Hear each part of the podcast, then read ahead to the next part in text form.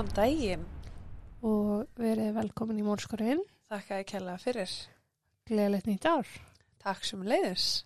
og takk fyrir að liðna. Ég ætla að segja takk fyrir að leiðilega. Hundleð, ömulegt. Nei, árið sem var að líða var alveg ekki er það samt? Já, ok, þú er Já, kannski ein... podcastlega séð. Og ég egnast bann. Ok, já, einmitt. Þú er kannski íbúð. ein sem að finnst þetta ár hafa verið gekja. Nei, ég er mjög ánum að ár. Þetta ár fyrir mér var ekki til, sko. Mér líður eins og ég sé ennþá í 2020. Já, ég sá á Twitter að það hvað, Happy 2020 Volume 3. Já, tvö, tvö.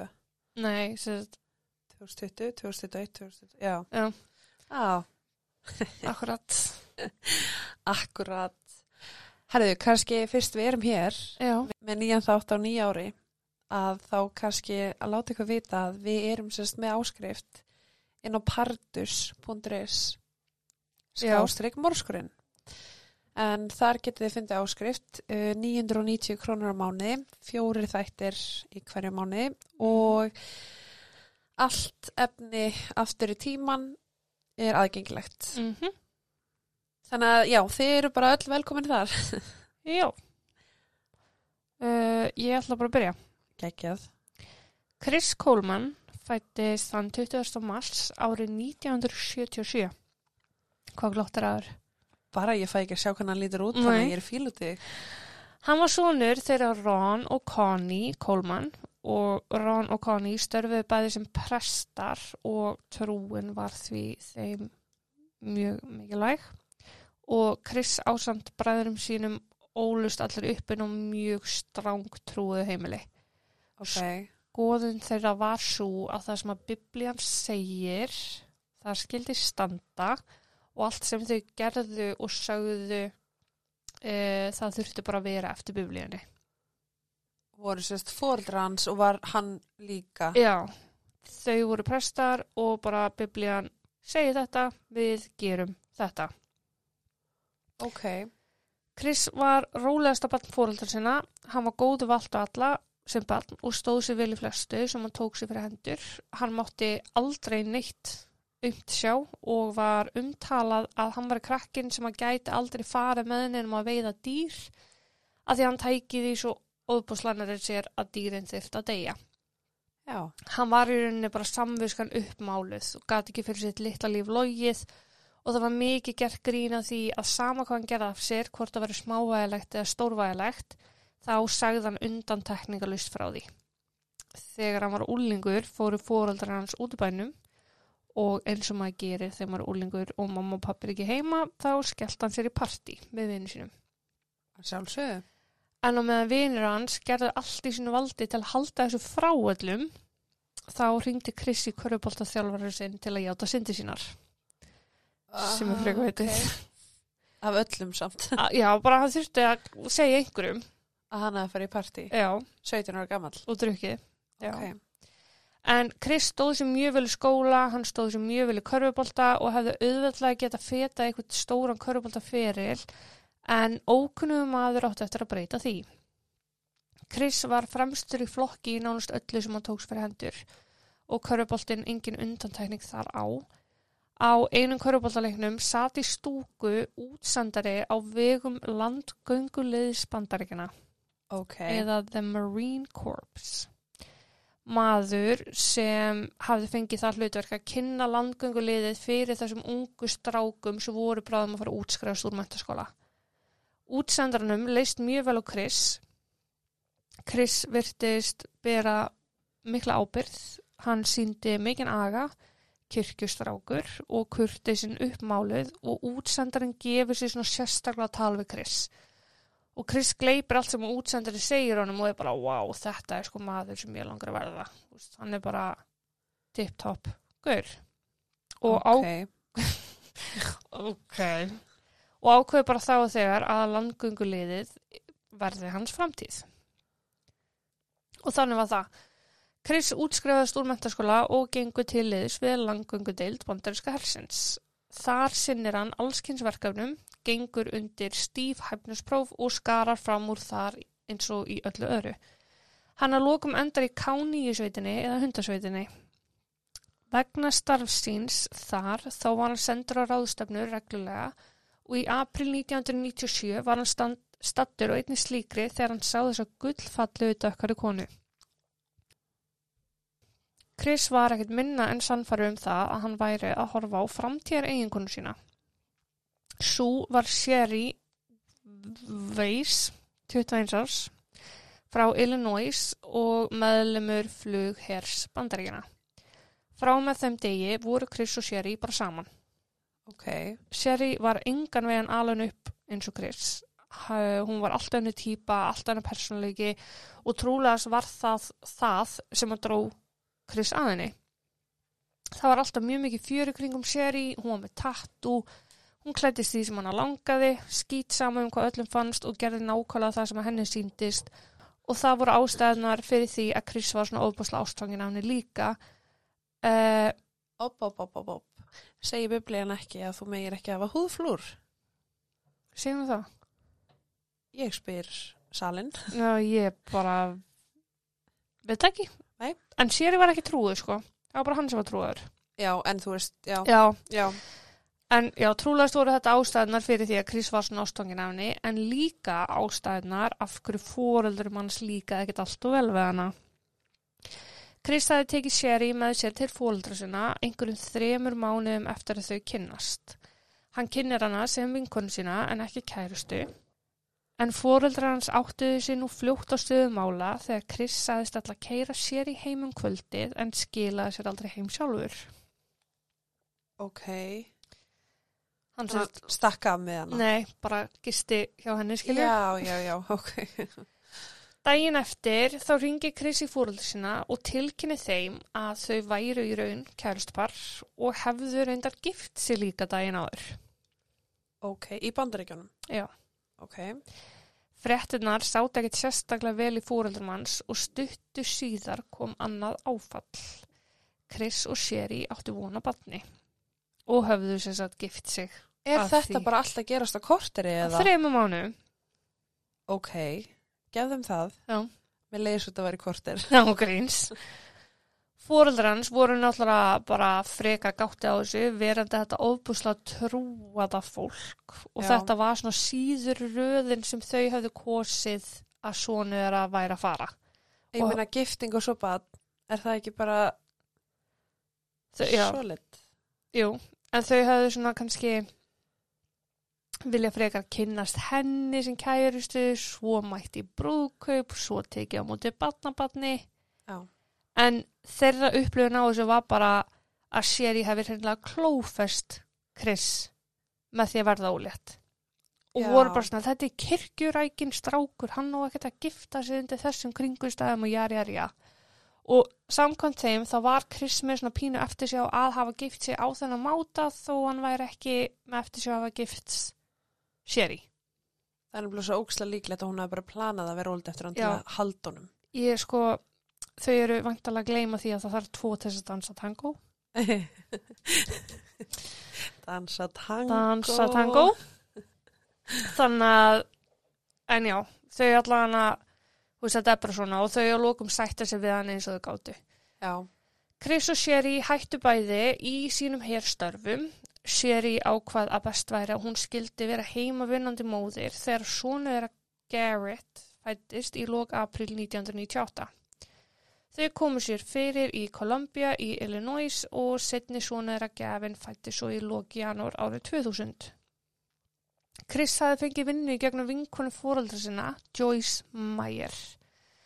Joyce var talsmaður Kristin Trúar, kom fram í útvarpi, sjóvarpi, á ráðstafnum og í raun bara hvar sem er og út um allan heim líka. ok. Og í ljósi starfs hennar þá þurfti hún að vera með sólaringsgæslu með sér. Chris fekk í byrjun starf í hennar gæslu teimi en skaraði þær fram úr og var fljótt orðin sá sem að sá um gæsluna aðfarið. Bara yfirmaður gæslunar. Já, Hann átti eftir að skara þar fram úr líka þannig að Joyce ákveður að Chris myndi fá hlutverk sem hennar aðal líförður ok. og var hann því með henni nánast bara öllum stundum. Hann ferðast með henni út um allan heim og þjónaði mjög vel á því líka Svo Sherry gætt haldi áform að vera heima vinnandi meir og minna. Hann langaði samt ótt að vinna þannig að hún vann alveg Já, uh, með því. Uh, en hún var mjög fegin því að geta sint strákunum svona vel. Hún elskaði ekkert meira en að vera mamma. Chris styrkaði fjölskyldinu sína meira en nokkuð annað og var duglegur að sinna strákunum sínum þegar hann var heima. Hún var samt mjög mikilvægt að strákarnir væru hlýðinir og kurteisir og er sagður hafa verið óbúslega ljúfur en óbúslega strángur. ok. Þú veist, fólk var bara svona úf, þegar hann skammaði þá en ó, þegar hann var tilbúin til að hætta öllu sem var að gera til að spila fótbolta við strákana. Já, ok. Vegna launa sinna hafði hann líka tækifæri á að fjármagna ferðalög sem að Sherry var hást, hæst ánað með en besta vinkonunnar hafði komið sér fyrir í Flórida og þau gáttu heimsótt hana reglulega og strákarnir fengu þá undan tekníkalust að fara í hverskins Garða, Disneyland, Universal og hvað allt saman heitir. Ok. Þannig að þau voru að lifa bara óbúslega góð lífi. Árin líða svo bara, strákunni dafna vel og allt gengur bara mjög vel, en með hverju árinu sem leið þá var svona smá rígur á milli hjónakottuna að myndast. Sherry fannst Chris ekki sinna strákunum eins og henni fannst hann eiga að sinna þeim. Hann var ekkert sérstaklega mikið fyrir knús og kúr, var ekkert mikið fyrir að segjast elska nokkurn mann, þó hann var óbúslega duglur að sinna strákunum þú veist, leika við þá, verið til staðar allt hannig, að þá fann í vanta upp á, Ástina sem hann... já, þessu sko snertinguna og, og láta vita væntum þykjunu, ekki bara sína því verki, henni fannst líka mikilvægt að hann myndi segja það. Já, já, já. Chris fann svo sér í eigða óþarflega miklu pening, hún vildi alltaf vega fín föt á strákana, hún vildi styrkja góð málefni, hún var sífælt kaupandi teppi, mat og drikk fyrir heimilslaust fólk. Hún hafði aftur fundið trúna þegar hún og Chris fór að vera saman og hún var út af því árlega að fara í frekar dýrar trúbóða leiðangra ferðir. Ok. Með honum. Ekkit alltaf sko. Hún var sérst bara líka búin að taka upp á því að, að Já, hún, hún talaði bara um að hún væri reborn, bara fætt aftur þegar þau fóru að vera saman. Ok. Og þetta fannst Chris bara vera spreð og bröðl og hann var svolítið hissa á þessari konu sem hún var orðaðinn í sama bröð, spreð og bröðl. Ég veit alveg hvað það er, en bara, ertu miðaldra?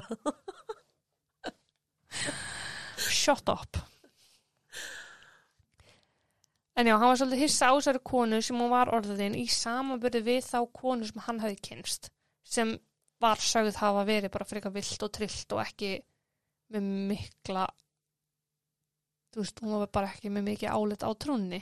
Og var hann leiður yfir því að hún væri búin að umturnast? Nei, hún fannst bara svo skrítið að þessi óbúslega stóri persónulegi var orðin svona óbúslega dempuð. Já. Þetta voru samt engin meira átt vandamál, þetta er bara vandamál sem að hjón takast á við í daglegu lífi yfirleitt Já. og allt mjög yfirstíðanlegt fannst þeim, en máli var hinnlega það að þau voru ekki að gera neitt mikið í því að yfirstíða neitt. Tengda fóreldrar séri voru farin að vera bara henni mikill hausarkur. Þau voru með sína skoðun á henni og sama þó séri hefði breyst, þá breytti skoðun þeirra á henni ekki með. Ok. Chris gerði lítið í því, hann var ekkert að reyna aðstóða að sjalla hann einn mál og Sherry fekk lítið tækifæri til því sjálf. Að því að Chris mútaði henni yfirleitt með ykkur til að hún myndi bara mæta og verið til friðs þegar þau færu til fóröldar hans. Já, ok. Þannig að Sherry var fann að pyrra sig verulega á þessu. En hún var líka fann að hafa hálgerðað óbeitt á starfi Chris líka. Hann var orðin meira í burtu en heima og hann fannst peningarnir sem að fylgdu starfinu bara ekkert vera þess virði lengur. Þannig að Joyce var alltaf að fara á svona túra Já, út um allan heim sko. ok. Og hann þurfti alltaf að vera með af því hann var lífvörður nummer eitt. Já, Og þó að peningarnir hafa verið miklir þá var hún ekki að sjá að það skilaði miklu þegar að eina sem hún sá af honum voru já, Og eina sem að strákarnir sáu voru, þú veist, einmitt. ekki neitt, eða skilju. En þau hjónin eru svona að berjast við þetta bara í algjör hljóði svona fyrstum sinn og það er ekki fyrir hausti 2008 sem að fólk fyrir að heyra því að það sé eitthvað vandamál innan hjónabandsins að því að fram að því þá var fólk bara þetta eru Barbie og Ken. Þau eru bara fullkomin og þetta er bara samband sem allir þrá að vilja. Já.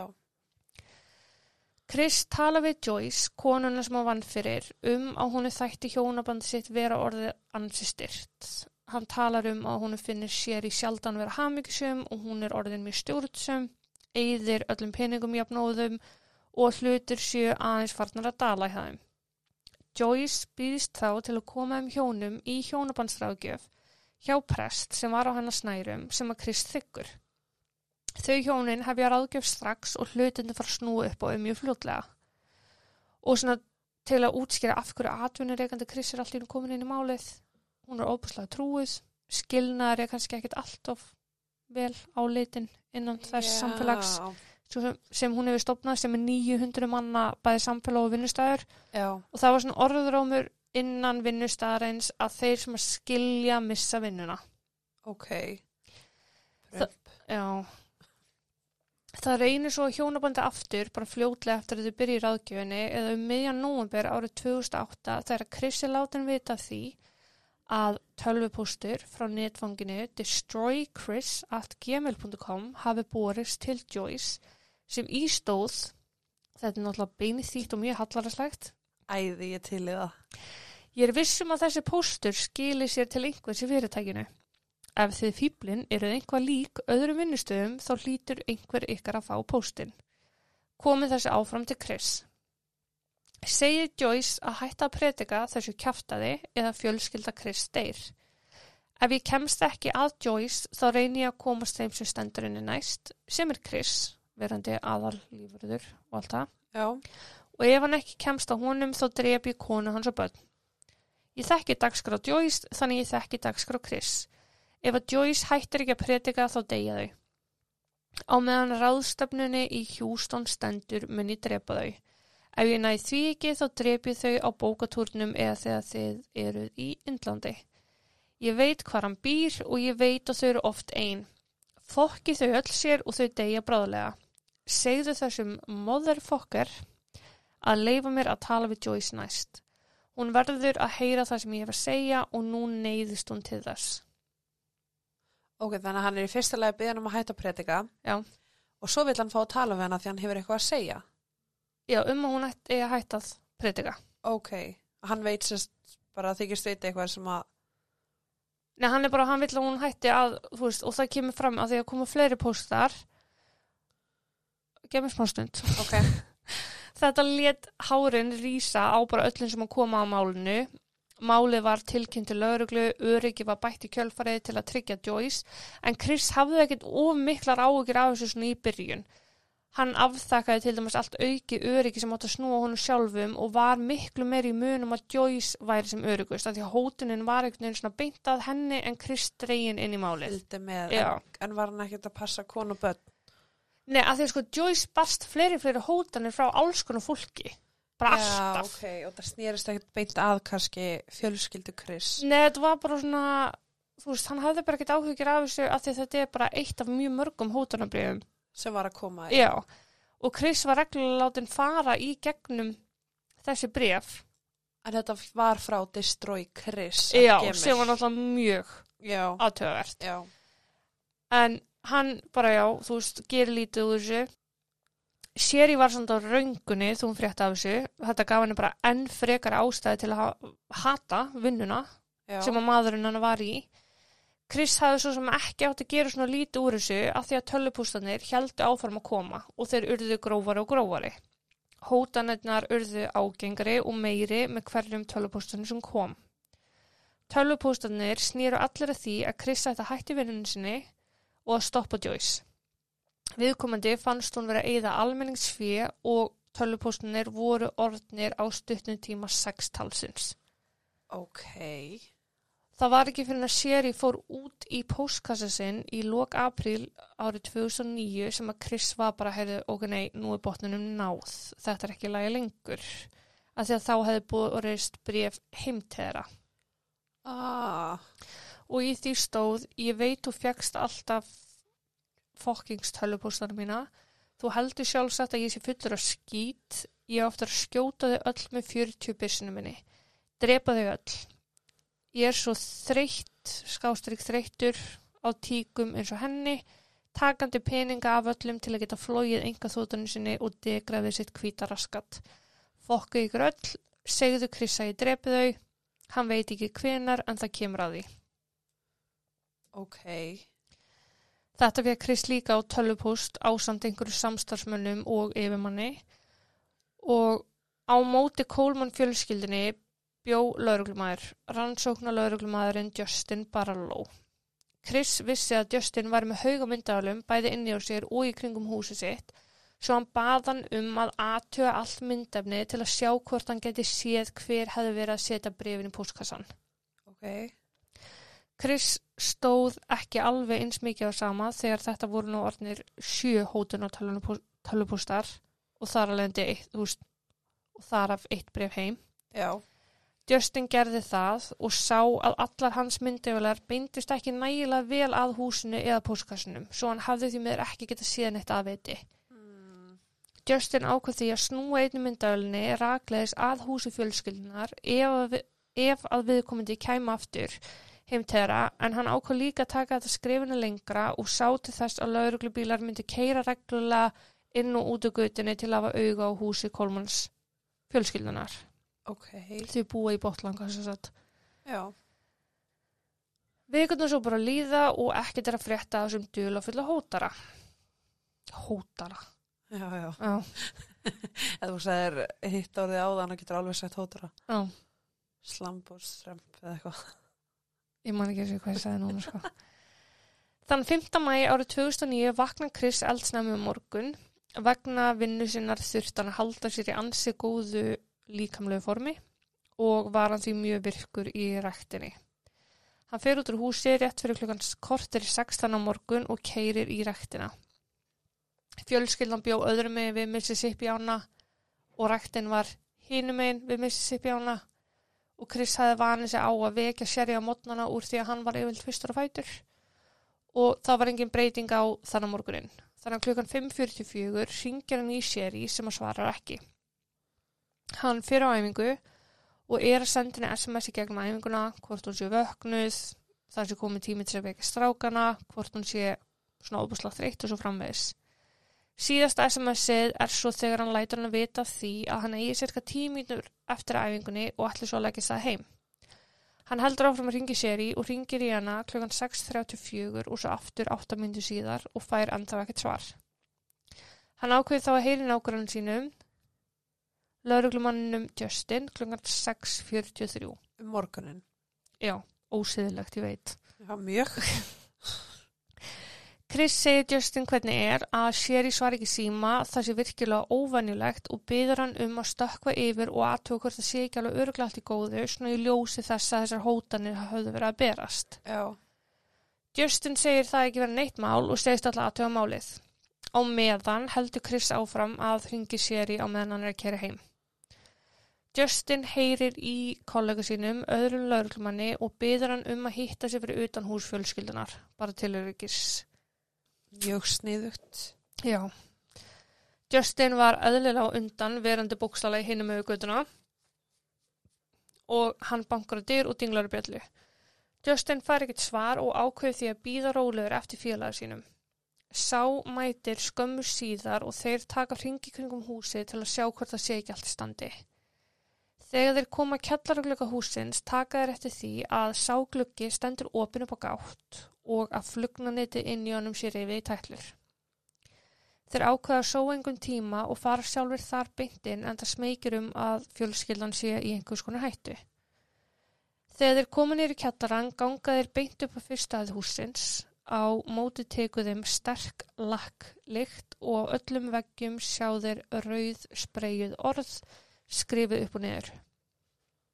Orðin voru mörg þau sömu og hafði staðið í öllum brefunum sem að Chris og yfirmaður hans hefði fengið mánuðinu undan. Punished, I'm always watching you, you have paid. Þeir taka báður upp byssunum sínar og kalla til liðsöka. Fúlirðin á veggjunum virðast leiða allarleið upp á aðraði húsins. Tvær myndir sjö, þú veist þetta er að gera svo kortri, Já. Mæti liðsökin og Chris keirir inn í innkjöslun á sama tíma. Lauruglumæðurinn sem var að mæta á svæðið ráðlegu Chris að býða fyrir utan á meðan hann myndi fara inn og tala við Justin og vera vissum að allt væri í standi. Chris sem er nú orðin bara taugar húa, sest á gangstéttina og er bara viti sinni fjara með hann. Lauruglumennir gangin í húsið og saman faraðir þrýr upp stegan. Justin gengur inn í annar barnaherbyggið, annar lauruglutjónin inn í setna barnaherbyggið og svo þriðji gengur inn í hjónherbyggið. Justin gekk inn í herbyggið þá nýjára gamla gefins og sér hann liggjandi með sengina halva ofan á sér. Allt leit út fyrir að hann væri bara sofandi. Raunin var þó svo að hann var grár á lit og útlimir hann stífir. Kollegar Justins á sama tíma fundi 31 skamlu Sherry og hinn 11 ára gamla Garrett líka látin í rúmunu sínum. Búið var að spreja ljótorð inn í herbyggjum eins og á veggjunum frammi og þú veist það stóð fuck you á rúmunu hjá strákunum og þá stóð bitch á vegnum hjá Sherry. Ok. Strákunni litu bara út fyrir að vera sofandi en Sherry hefði auðsjánlega barist við árasumann sinn því hún var bæði klóruð og með glóðrauga á öðru auga. Öll hafðu þau bersýnilega verið kyrkt með einhvers konar bandi, snæri eða snúru því þau voru öll með för á hálsi. Sérst að miklu grannri en ef einhver hefði notað hendurnar. Já. Ok, en þau voru líka öll í rúminu sínu. Já, Þannig að árásamæðurinn, hefur komið inn á með vera sofandi. Já, Sherry var í raun með fjögur mismandi för sem að stuttu grunn lauruglu um að hún hefði barist á móti árásmanni sínum eins og að takinu hafi verið sleft og aftur þrengt af og sleft og aftur þrengt af og sleft og aftur þrengt af. ok. En hjá strákunum var bara eitt far þeir voru bara svoandi. Þeir líka geta ekkert öfubugað eitthvað. Nei, það, var- það bara, það leiti ekkit út fyrir að hafa verið neinn átök inni hjá þeim. Nei, ok. Á meðan lauruglumenninni tveir sem hafðu komið til að aðstofa Justin er að koma þessu ferli í gang sem að fyrir í gang við svona aðstæður, þá fer Justin út þar sem að Chris býður svara. Justin lappar í áttina að Chris og segir við hann á meðan hann hristur höfuðið They didn't make it Chris, they didn't make it. Chris sest bara á götuna og grætur og grætur og kemur ekki borði. Eftir smá tíma tekur hann upp síma sinn og ringir í pappa sinn og Joyce, atvinnureikanda sinn, sem að bæði tvö koma innan skammars. Lauruglan hafði kallað út prest sem að kom líka til þess að vera Chris innan handar og meðan lauruglan og tæknideild fóri við vettvang var Chris komið fyrir sjúkrabíl þar sem að lauruglan var hrætt um að hann væri í sjokki, bara líkamlegu sjokki. Ok, Plús það að fjölmiðlar voru mættir. já. Svona. Akkur mæta þeir allt svona hratt? Oh, að þeir eru pröf. Já. En Chris var svo bara fluttur á lauruglustöð til að upplýsa lauruglu um síðustu daga og það er hann strax í byrjun beðið um bara bestu lauruglumennina. Og það vildi svo til að Justin Barlow, nágranninn, hann er bara einna bestu rannsókn lauruglumennunum á svæðinu.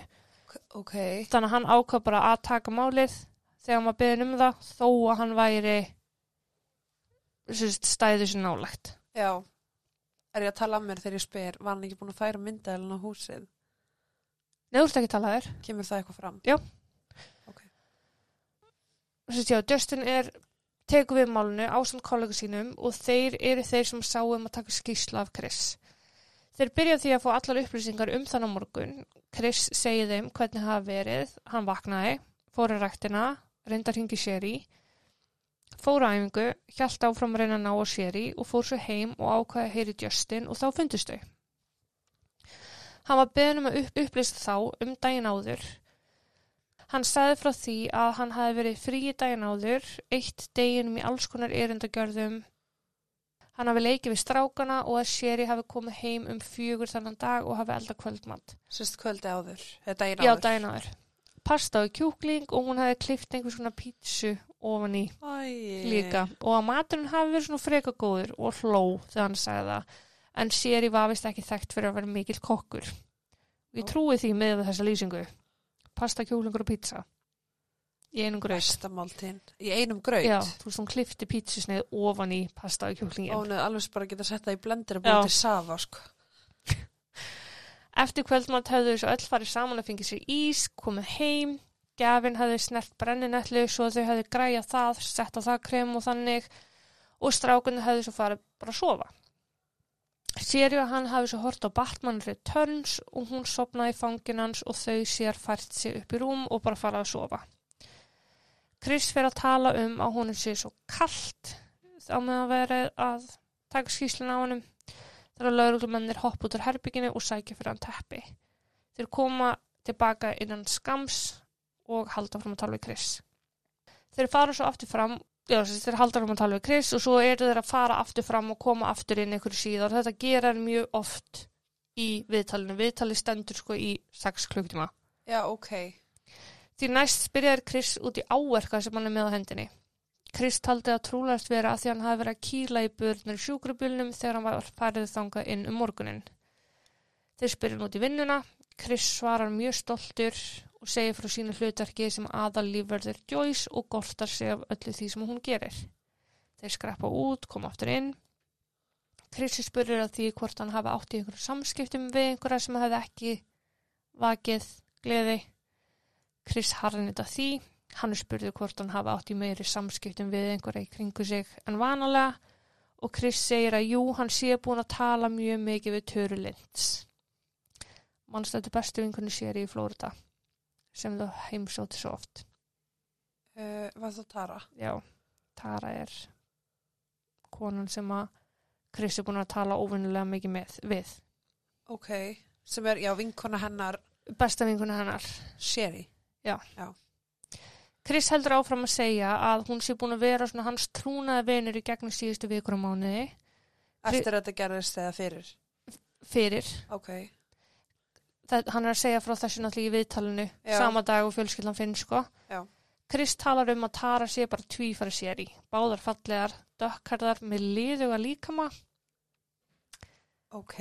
og að persónuleika þeirra séu þeir sömu. Ég held að þetta liðuga líkama, ég held að þetta sé bara óbóðslega óheppilegt val á orðum sko. Já. En þær voru báður svona grannar petít, heldur sér, þú veist, í góða formi og þannig. Þegar á líður þetta samtal, viðurkenni Chris að jú, kannski að spjallið þeirra á milli hefði ekkert vakið mikla gleði hjá sér í, þar sem að það væri kannski búið að vera svolítið daðurslegt á milli þeirra. En hann er sann mjög skýr um að ekki sé um að ræða neitt framhjáld, þar sem hann myndi aldrei vilja leggja það á bönnin sín. Hann hafi séð allt og marga skilnaði og það var ekki það sem hann kærði sem að gera. Leggja það á bönni sín. Fyrir ekki það stendur bara í biblíuna að þessi banna, sko. fyrir utan það. Hann er þá spurður hvort að hann og Sherry hafi einhvern tíma rætt skilnað sem að Chris svarar að jú, nokkru mánuðum áður hafðu þau gert það en að þau hafi farið í ráðgjöf og að sambandi þeirra væri búið að vera miklu, miklu meir en frábært síðan þá.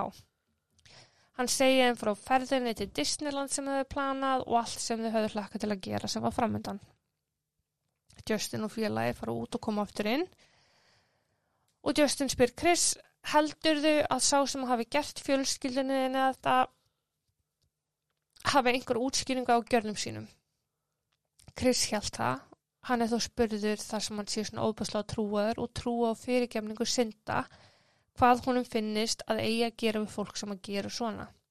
Sem að Chris svarar að viðkomandi ætti að setja fangilsi. Justin spyr Chris núna, myndur þú segja að þú væri búin að vera 100% heiðalög við okkur? Chris segist hafa reynst best að vera það. Því næst spyr hann, Chris, var sér ég á lífi þú fórst í morgun? Chris svarar, það held ég alveg öruglega. Ég meina, já, hún láði hliðin á mér. Já, jú, hún var á lífi. Barlow segir því næst, hvað ef ég segi þér að ég held að hvorki hún nýja krakkanir hafi verið á lífi þegar þú fórst út í morgun? Chris segist ekki vita hvað hann sé að tala um, segist ekki vita hvað hann eigi að segja og hún var lifandi, hún láfi hliðin á honum. Ok. Justin spyr því næst, heldur þú að við höfum úrræði og getu til að ákvarða tíma andláts? Chris segir, já klálega, ég hef séð það í sjóarpinu mjög oft. Það sem er að gerast er að í hver skipti sem að þeir eru að fara fram er verið að mata þá af upplýsingum. Já, sem þeir koma síðan aftur inn. Já. Tugir lauruglumanna er að tala við fólkið í kringum fjölskylduna, fari gegnum gögn á metraða. Það sem er að koma í ljós er að Sherry, Garrett og Gavin samkvæmt bráðabyrða niðurstöðum létust á bylunu 3-5 þessa nótt. Ekki eftir klan 6. Og hann fór út einmitt. Hann var heim á milli 3 og 5 Ah, og hann segir alveg frá því skýlust hann var heim allan nóttina að fó bara út að hann rétt fyrir korter í 6. ok. Hann Og- líka svo fljótur að ringja í Justin. Já. Og meðan skýsla skástrygg yfirheysla er tekin af Chris, þá eru kollegar lauruglunar í Flórida að spjalla við töru. Og svo gatt talað. Hún hafði játað skýlaust að þau ættu í sambandi, búin að vera í sambandi í marga mánuði. Hún sagði frá því að Chris hafi ætlað að skilja við Sherry, þau ætlaði að gifta sig og egna spönn. Þess að Tara og Chris. Þau varu meira að segja með promise ringa eða svona lofors ringa. Ok, Hún segir frá því að þau eru í daglegum samskiptum, Chris eigi alltaf að senda mynd á sér á kvöldin til að sanna það að hann væri ekki upp í rúmi hjá í. Svo þau voru greinilega ekki búin að sofa saman í marga, marga mánu. Þannig að ekki eins hamingisum og Chris vildi meina.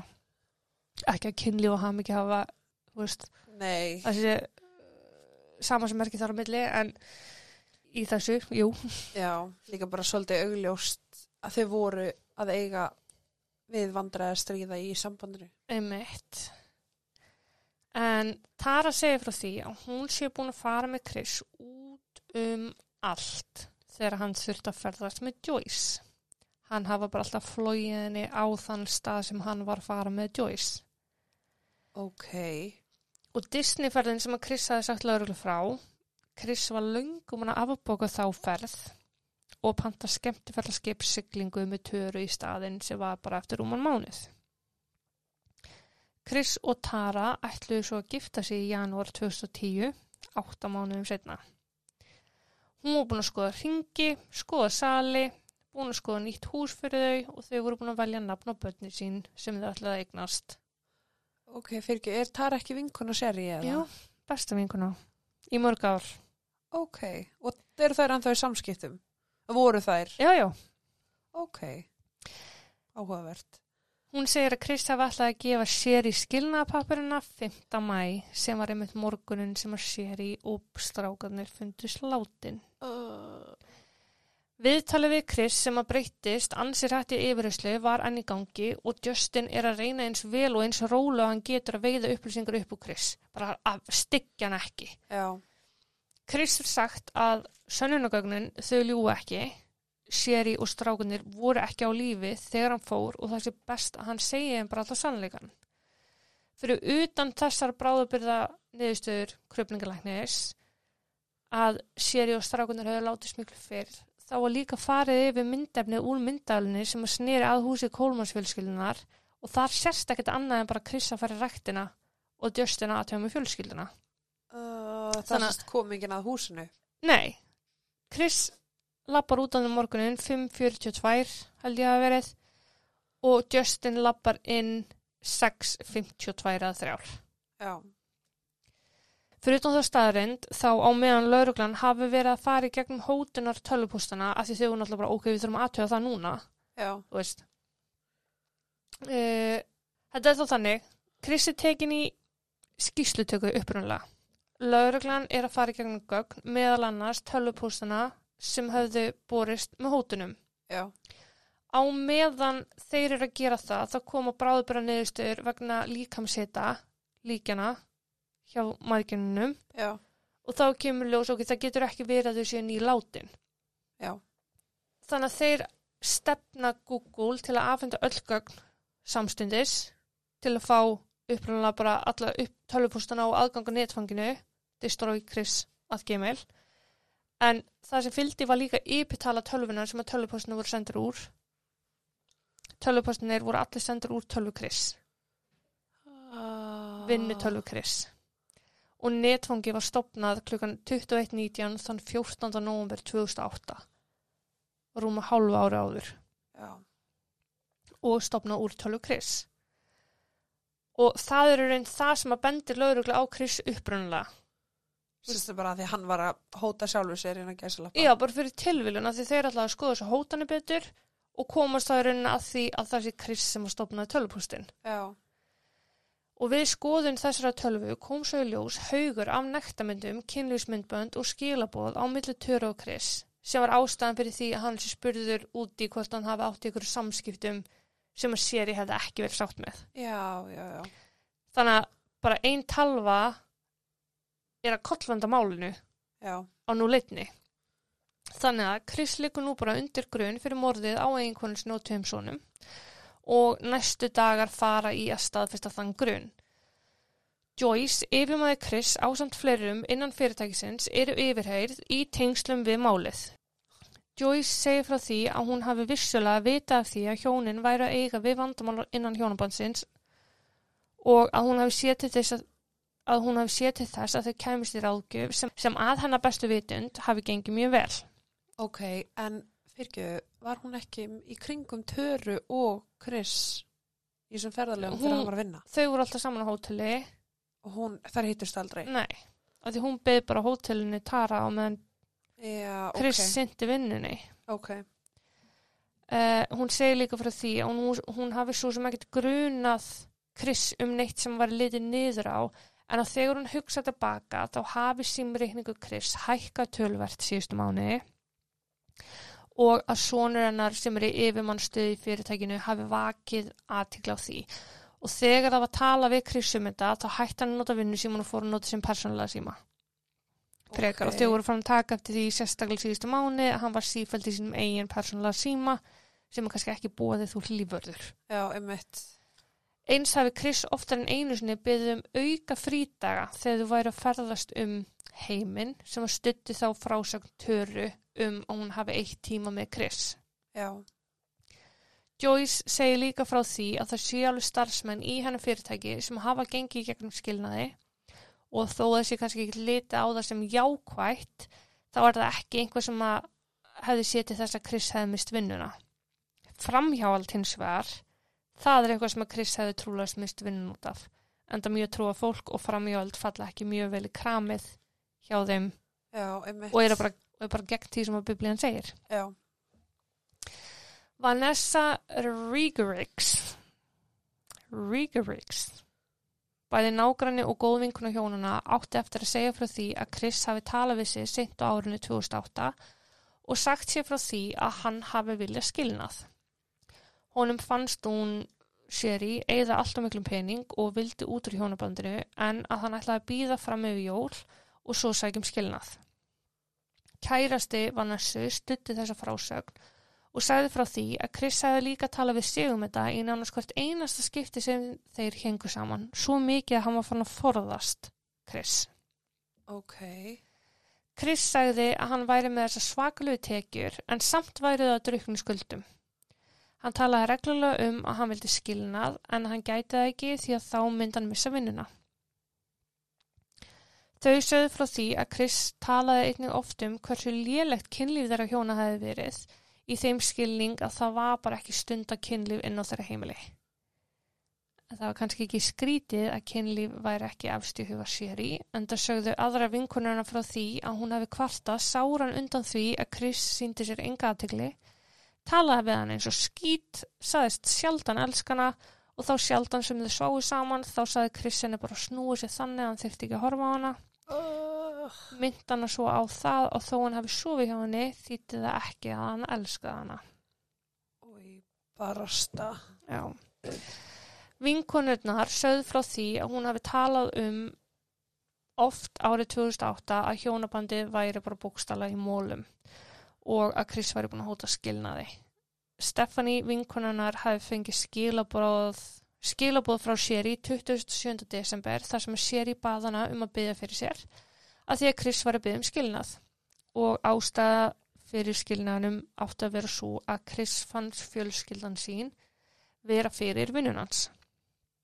Sherry hafði líka talað við vinkonu sinna um að hún væri farin að gruna að Chris væri að halda fram með sér með töru og hafði meira, og hafði meira að segja síntinni myndir akkurat af töru. Sist, þessi vinkona hafði séð myndir af töru. Ok, Allar sammeldist og vinkunnar um að um voru 2009, rétt fyrir morðin, hafi séri verið allt önnur og hljóðið allt annað. Hún virtist hamingisamari og ráðgjöfin virtist vera að skila þeim árangur sem til er ætlast. Þannig að var þetta bara í apríl er eitthvað svaka breyting á, hún er hann spennt að tala um kærast, nefnum eiginmann sinn og þú veist, en já, hún virtist bara og talaði um að hluti væri miklu betri og þeir voru, þú veist, það var einhver vin, vinkonan sem að laumaði í Chris Kamakra og eitthvað svona skemmtileg til þess að krytta sambandi, þannig hluti voru orðnir betri. Ok. Líffræðilegu sönnungögnin gegn Chris voru ekki mikil.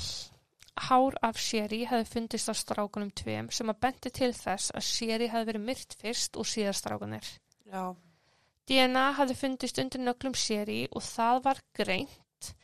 Niðurstaðan var svo að hvorki var hægt að útiloka nýja staðfesta að um hefði verið að ræða DNA úr Chris. Ok. En það sem skipti kannski meira máli var að það var ekkit sem að útilokaði Chris að vera segan. Nei. Það benti allt til hans frekar. Það sem hafði verið skrifað á veggi inn í húsi Kólmann fjölskyldunar stemdaði einhverju leiti við skrift Chris. Tölvupústanir sem að sendir voru úr tölvu Chris var líka gegnanum en Chris sjálfur vildi meina það að hver sem er hefði getað skrifa tölvupústana og stopna netfangi í hans tölvu þar sem hann skildi tölvuna oft eftir í vinnunni og að margir hefðu aðgang á tölvunni og það voru nýju aðgangar í tölvunni sko Ok. og það var ekkert að segja til af hvaða aðgang. Hver hefði Já. verið, nei. Málið var bara að Chris gerði alltaf sömu villuna þegar hann skrifaði opportunity. Hann skrifaði það O-P-P-U R-T-U en það á að vera O-P-P-O R-T-U Já. og það gerði einnig sá sem skrifaði hlótunabrifin. Ah, Skilur mig? heppilegt. Já. Morðvopnið eða það sem var notað við að kirkja þau hafði ekki fundist svo það var ekki hægt að klína neinu slíka á Chris. Þegar Chris hafði verið sagt að fjölskylda sín væri látin hafði hann ekki spurt hvernig þau höfðu dáið sem að vakti aðtegli, ekki kannski grun en þeim fannst það bara áhugavert, aðtögunavert. Já.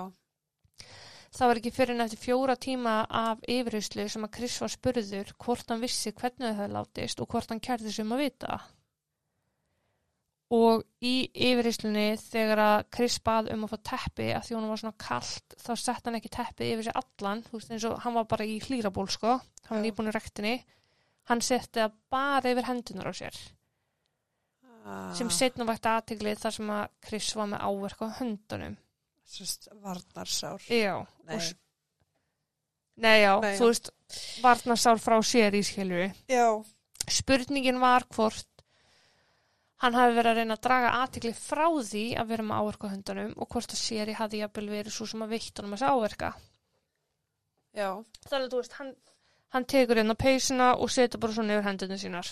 Já. Hélur alveg nóg. Þetta gerir ekki raskat Hann er að samt vera ískalt kallt. annars Já, staðar. einmitt. Við jarða fyrir mækina mætti Chris en hann var meira og minna í símanum á meðan. Og ég bara... Puntur. Nú liði þér asnalega að þú hlærið. Þegar þú verður svona, veist ekki hvað að segja, þá hlærið þið. Nei, ég bara, ég gáttu mér stað ógislegt. Já, Slefti ég frekar að mæta já, einmitt. í staðan fyrir að sína ekki virðingu. Já, býttu bara. Fjölskylda og vinir höfðu búið til minningreit við húsfjölskyldunar sem að Chris reif niður.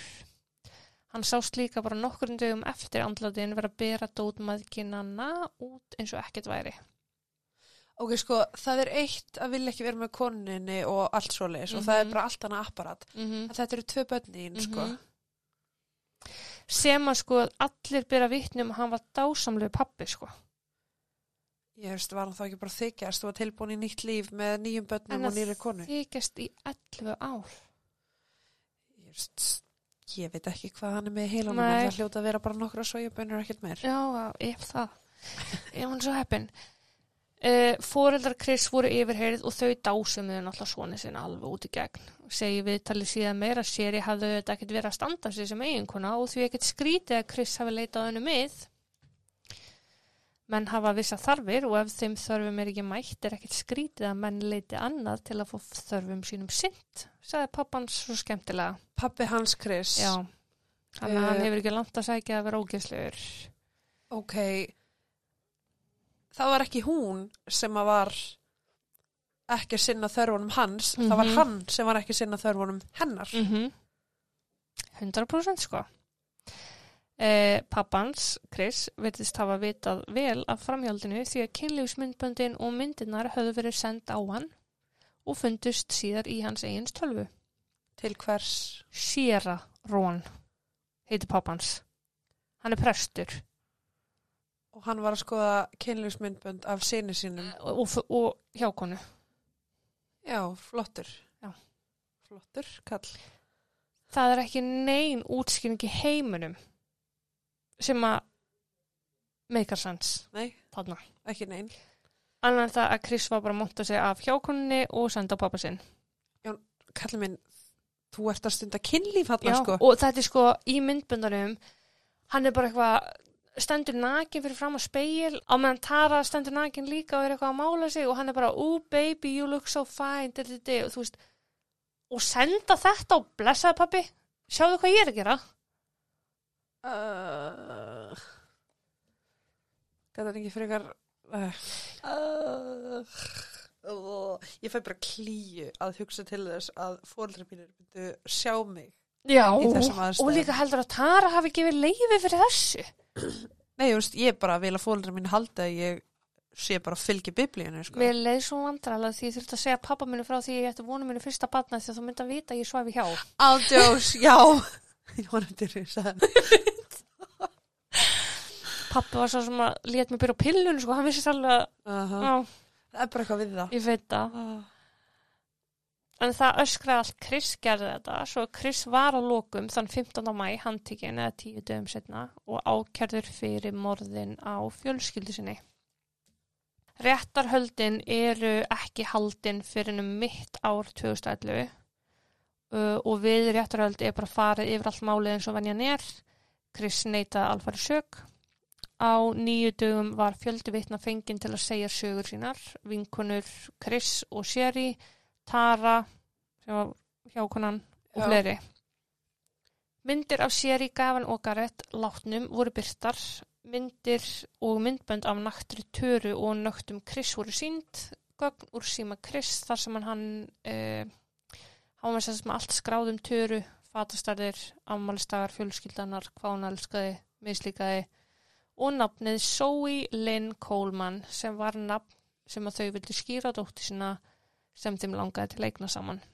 Ok, sorry, ef þetta er kona sem þú ætlar að vera með þá áttu ekki fyrir að skrifa þessa hluti nýður þú ætlar að muna þá og vita þá Já. Já.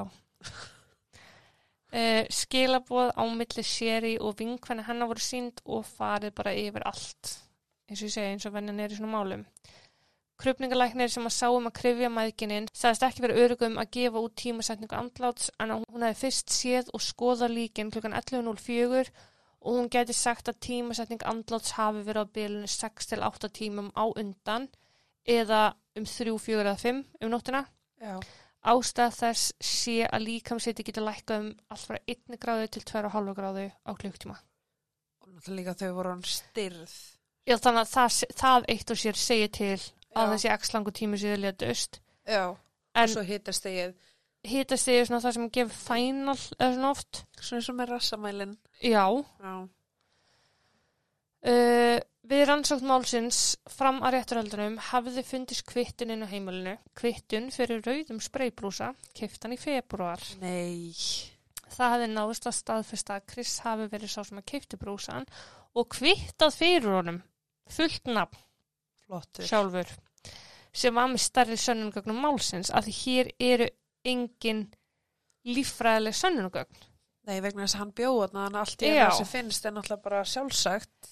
Og það er það sem átti eftir að gera kviðdómi fyrir eitthvað erfitt fyrir það sem að það er erfitt að dæma mann segan þegar það er ekki til skoteldi staðar þegar það er svona mikill vafi. Það er ekkert en það sem segir ok, heyrðu, jú, hér er morfopnið DNA-þan segir á því hann gerði þetta. Uh -huh. það var ekkert svolítið staðar. Morfopnið hefur ekki fundist í dag sko Er það ekki bara að tala um að það sé eitthvað reypi eða snúra Jú. eða hérna snæri? snúra, já, þú sagði það. Lauruglan leitaði Mississippi áni í marga vikur en ekkert fannst og Chris sagði auðvitað ekki bófs um það að því að neitaði sök. En ég meina, er, er engin möguleika á því að þú veist þetta sé bara kannski snúran að sjónarpinn hans og hann bara gekk frá hann aftur og það sést ekki á Getur vel verið. Þú veist, það hefur aldrei, það var náttúrulega allt skoðað upp og niður. Húsið var tæmt og sett á sölu þegar var búið að rannsaka allt saman. Já, Eða það var sett við... á uppbóð af því það vildi ekki kaupa það. Það meitt, ég var til. Jók. En það má vel vera sko. En kviðdómur tók sér tvo daga í að ákvæða niðurstöðu. Sæl. Þeir eittu 15 tímum þessa tvo daga til að fara yfir öll gögn málsins aftur og það sem að gerði útslæði var mynd af Chris og Töru saman. Oh, Chris hafði sagt að samskipti þeirra hefði ekki byrjað fyrir seint árið 2008 en á myndinni stóð oktober 2008 og vegna þessa fannst kviðdóm Chris vera að ljúa af hverju ætti að vera til selfie af þeim já, saman frá oktober 2008 ef að sambandið var ekki byrjað fyrir setna. já, Kviðdómur sem hefði áður fundist ómikill vafi til að segja til um hvort að Chris var í segur komi nú fram þann 5. mæ 2011 tveimur árum eftir morðin upp á dag og sögðu Chris segan af öllum ákærlegum. Dæmdur í lífstegafangelsi án möguleika á reynslulausn. Og þarna það var sko fólk fyrir utan dómsalinn og inn í dómsalnum sem var bara stóð upp á klöppu og húrruðu og já, ég skal bara fara og klappa með þeim, sko. Chris er talin hafa myrt fjölskyldunni sína með von um að hann er ekki bendlaði við glæpin og svo að framhjáldi kemst ekki upp svo hann myndi ekki missa vinnura en í staðin mista hann allt. Chris var náttúrulega ekki lengi áfriða þegar tækifæri gafst e, og ástæði þessa lögfræðingar Chris og Chris áfriða eru þær að sá sem sá um að skoða tölvu Chris, vinnutölvuna Já, starfsmála laurugluna hafði einungis fengið þjálfun innan lauruglunar. Hann hafði ekki lokið neinu tölvu námi. það er hægt að finna allt Já. bara til að guð minn góður. Þetta vestnar sko. Eins hafi hann ekki aðtöðu hvort að það hefði fundist einhvað kerfi innan tölvunar.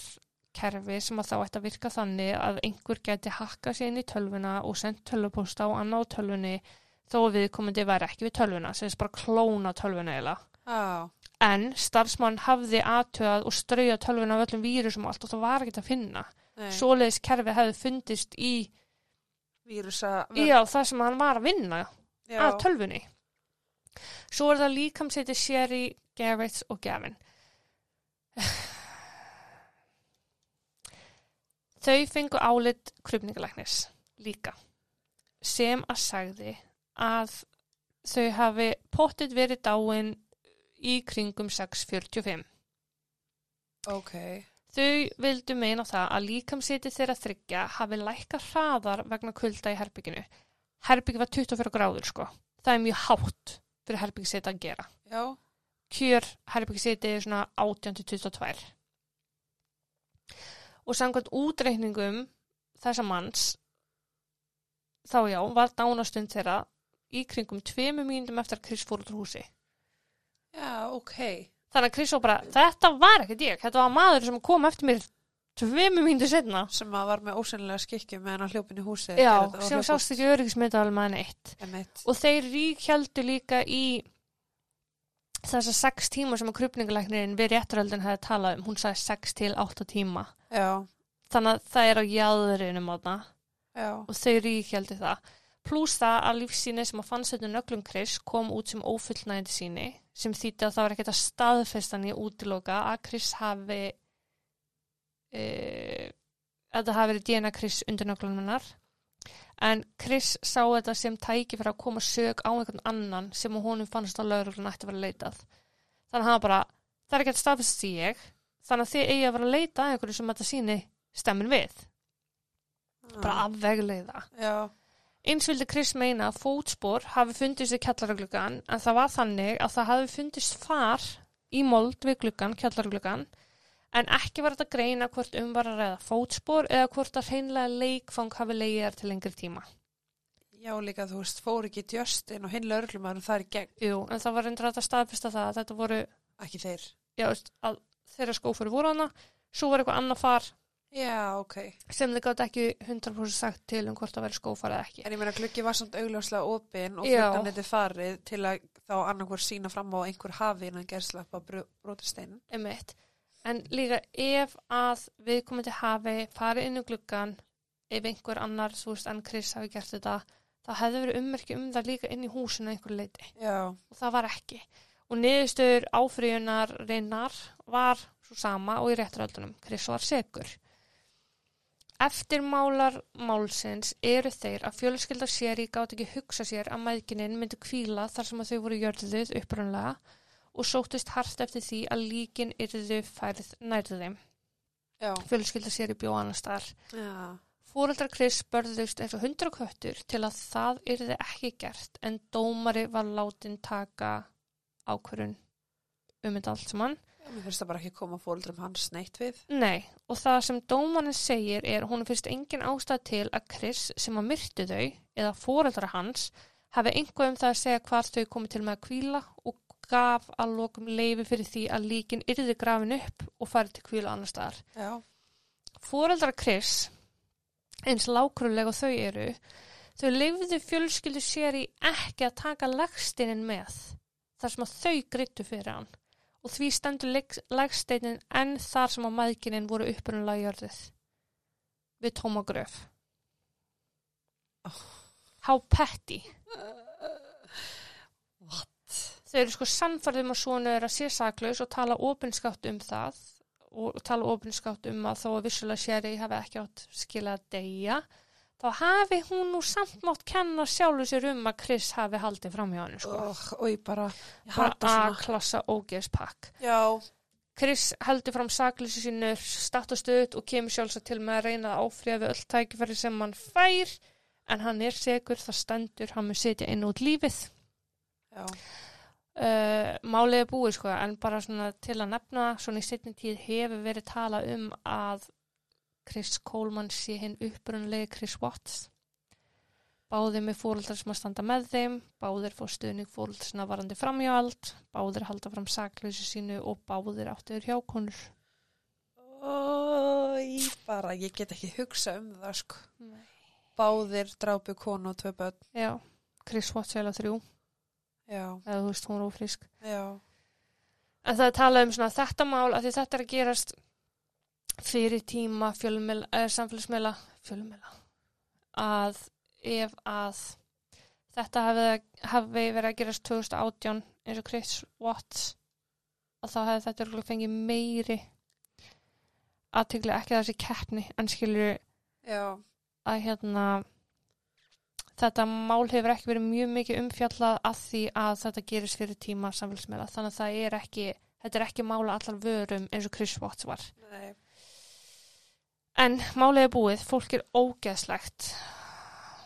Uh, og ef það er tvent í stöðinni að drepa það skilja, skildu ángríns. það er bara betra fyrir alla sem hefur hluti Já, þú veist, ég, maður hefur líka heyrt um fólk sem bara lært sig hverfa, skilur. já, hefði þess að geta gert það skilur Ég hefst, gerði það bara og giftið í Vegas já, eða eitthvað. og hún kemst yfir það og þú veist En samt þá kannski mögulega getur hinnaðalinn ekki sótt um neitt eða gert neitt af því að þá farstur í samandi. Skildu bara. Já, er mitt. skildu bara, þú veist, ekki vera svona og, og þú veist, þetta er, þetta er maður sem maður sem bann var bara rólegasta bann fóreldur sinna og gerði engum neitt og elska allt og alla og þú veist, og svo bara kynnust einhverju konu og það bara umtörnast allt í lífinu þínu.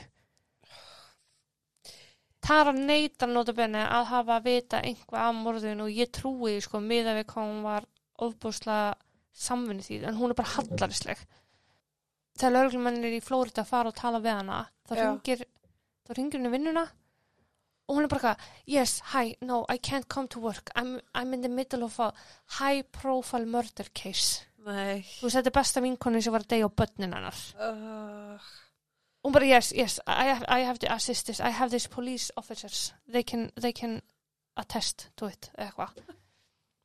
Ógeðslega. Uh, Ég er bara með trust issues eftir þetta mál, sko. en það er líka bara sama eins og með hérna, Chris Watts að þá eru mjög margir sem segja að, að hjákonan hafi vita af þessu. Og það eru margir sem segja að hún hafi mögulega verið heima Já, þegar þetta var að gerast. þetta var að gerast.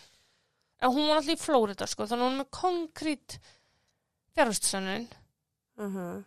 en, að ég veit ekki, fólk er ógislegt. Já, en það er bara því að upptökunum þá sérst einhver.